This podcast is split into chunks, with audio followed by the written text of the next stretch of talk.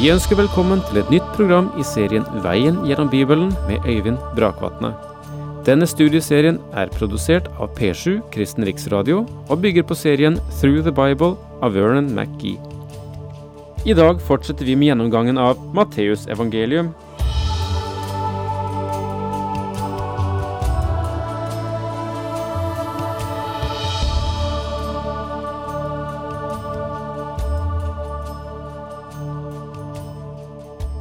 Før jeg avsluttet sist, så ga jeg deg en liten anmodning, nemlig om av og til å følge med på kartet, slik at du kan vite hvordan Jesus beveget seg, vite litt om hvordan landet ser ut, og gjøre deg litt lommekjent der.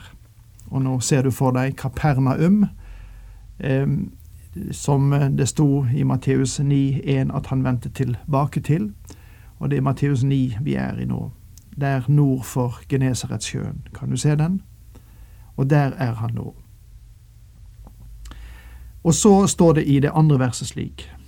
Der, altså i Kapernaum, der bar de til ham en som var lam og lå på en båre. Da Jesus så deres tro, sa han til den lamme, vær frimodig, sønn, dine synder er tilgitt. Vi får detaljer i Markus' beretning angående denne hendelsen, Markus forteller oss hvordan denne mannen ble firt ned gjennom hustaket, og at Herren både helbredet ham og tilga ham hans synder. Helbredelse og syndenes forlatelse står i forhold til hverandre. Noen skriftlærde sa da med seg selv, denne mannen spotter Gud. De skriftlærde mente at Herren ikke kunne gjøre denne syke mannen i stand til å gå.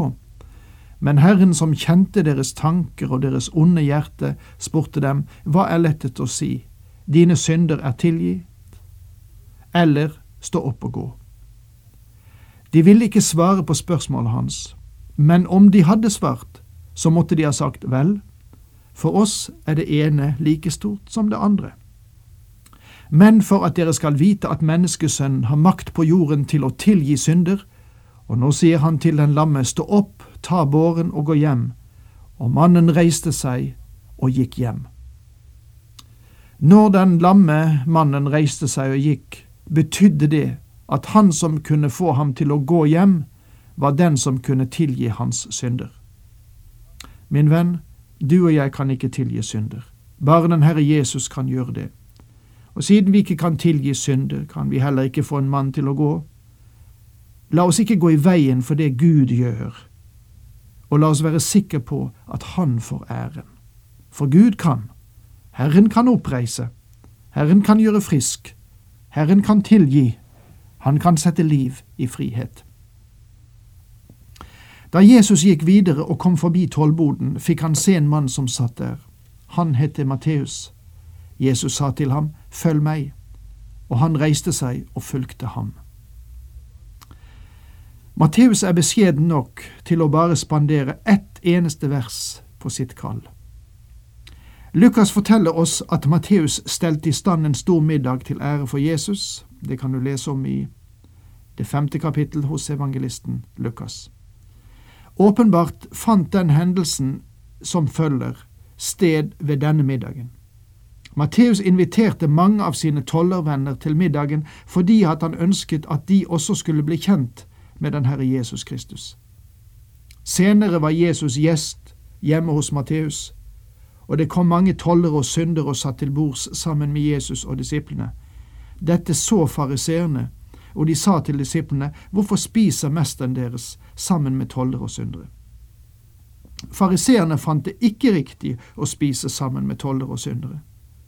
Mange hellige også i dag priser fremdeles den samme ideen, får jeg si det i all vennlighet, det skader ikke å invitere syndere til middag, fordi de er slike som trenger å bli nådd for Kristus. Vi trenger sannelig, mine venner, å ha kontakt med syndere. Men Jesus fikk høre det og sa, det er ikke de friske som trenger lege, men de syke. Jesus er den store lege. Han har kommet for å helbrede menneskeslekten for deres grunnleggende problem, som er synden. Dette bør sies til en rekke av små kristne grupper som har sine fester og sine fellesskap men aldri inviterer ufrelste. Om de ufrelste kommer, så er det mange av troens folk som fryser dem ut.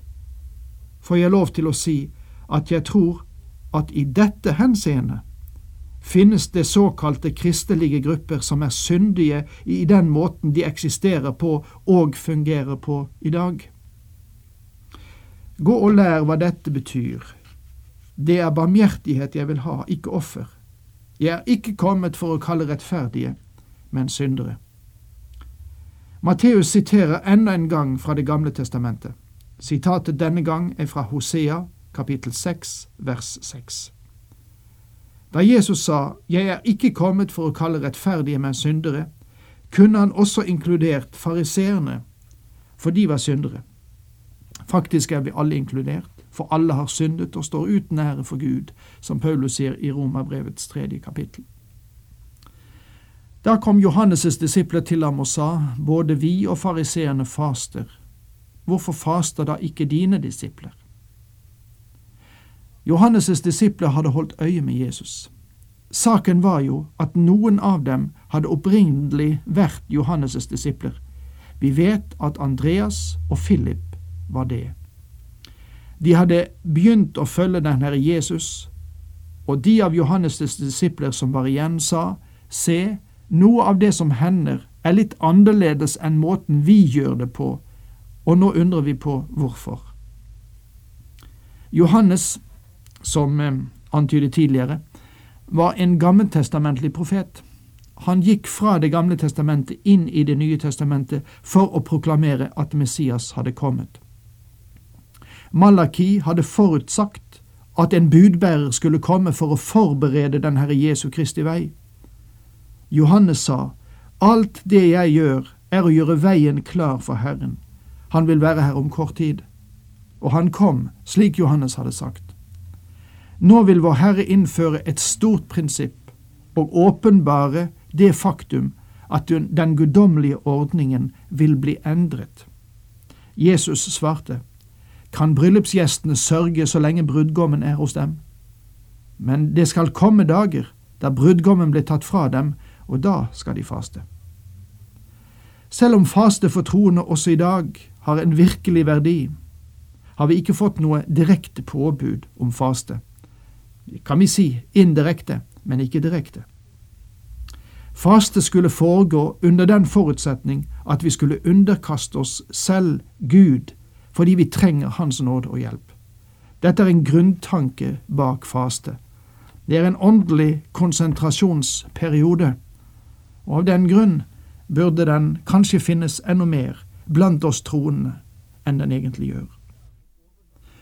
Hør nå på Herren når han forklarer overgangen fra ordningen med Det gamle testamentets lov til Det nye testamentets nåde.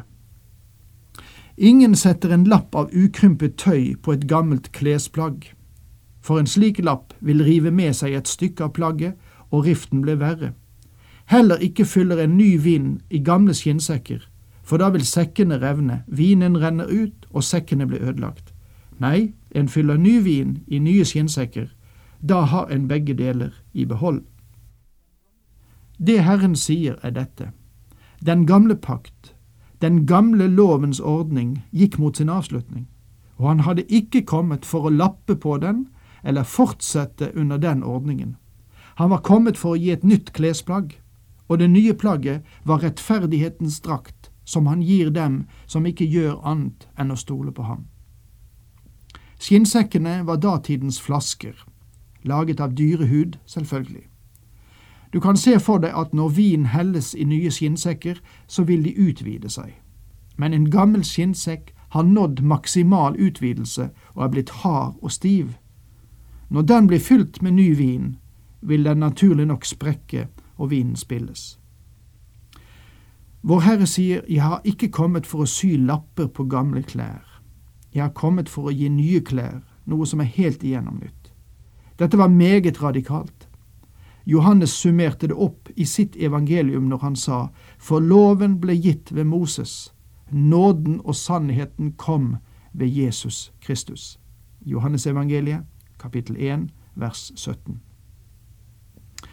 Vi kommer nå til det åttende og niende under, som på en måte er knyttet sammen. Begge er helbredelser, satt inn i en veldig sammenheng.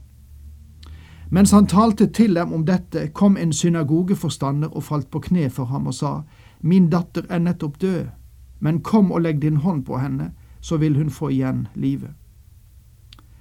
Lukas sier i sitt evangelium at når denne forstanderen først kom til Jesus, så var det for å be ham helbrede sin datter. En mann som het Jairus, og som var forstander ved synagogen, kom da og kastet seg ned for hans føtter og bønnfalt ham om å bli med hjem. For hans eneste datter, som var omkring tolv år gammel, lå for døden. Denne piken var syk til døden, og mens hennes far ventet på å få tale med Jesus, kom en tjener og fortalte ham at den lille piken var død. Jesus reiste seg og gikk med ham, og disiplene fulgte med. Idet Jesus og hans disipler reiste seg for å følge Jairus hjem, samlet det seg en stor mengde mennesker rundt ham. Nå var det en kvinne der som hadde hatt blødninger i tolv år. Hun nærmet seg Jesus bakfra og rørte ved kanten av kappen hans. Du kan ikke annet enn legge merke til hvor slående disse opplysningene er. Den lille piken var tolv år gammel, og denne kvinnen hadde lidd under sin sykdom i tolv år. På den ene side var det tolv år av lys og glede som nå ble strøket ut av dette barnets liv, og tolv år av mørke og smerte nærmet seg sin slutt, og lyset var i ferd med å bryte inn i kvinnens liv.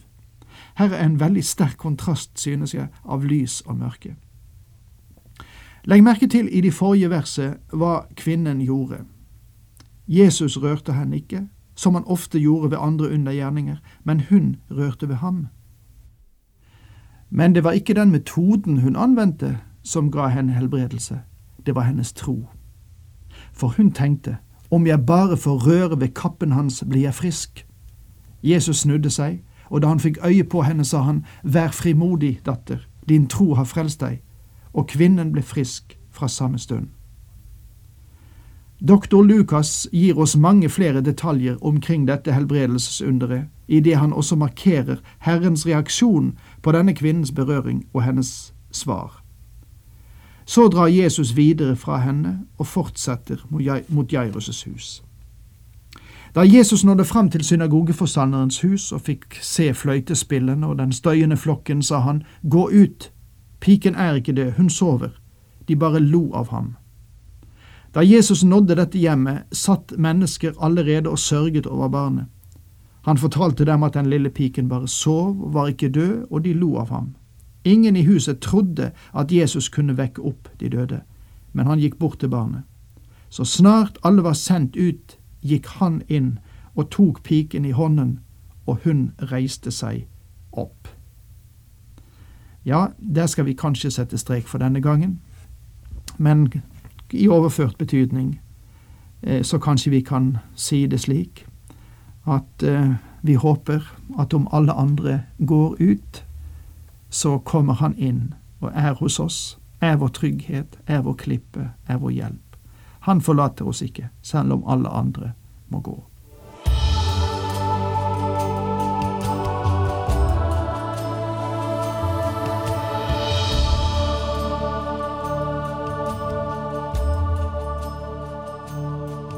Du hørte Øyvind Brakvatne i studieserien Veien gjennom Bibelen. Serien bygger på et manus av Vern McGee. Har du spørsmål eller kommentarer til programmet, kan du sende en e-post til vgb krøllalfa p7.no. Takk for i dag, og på gjenhør.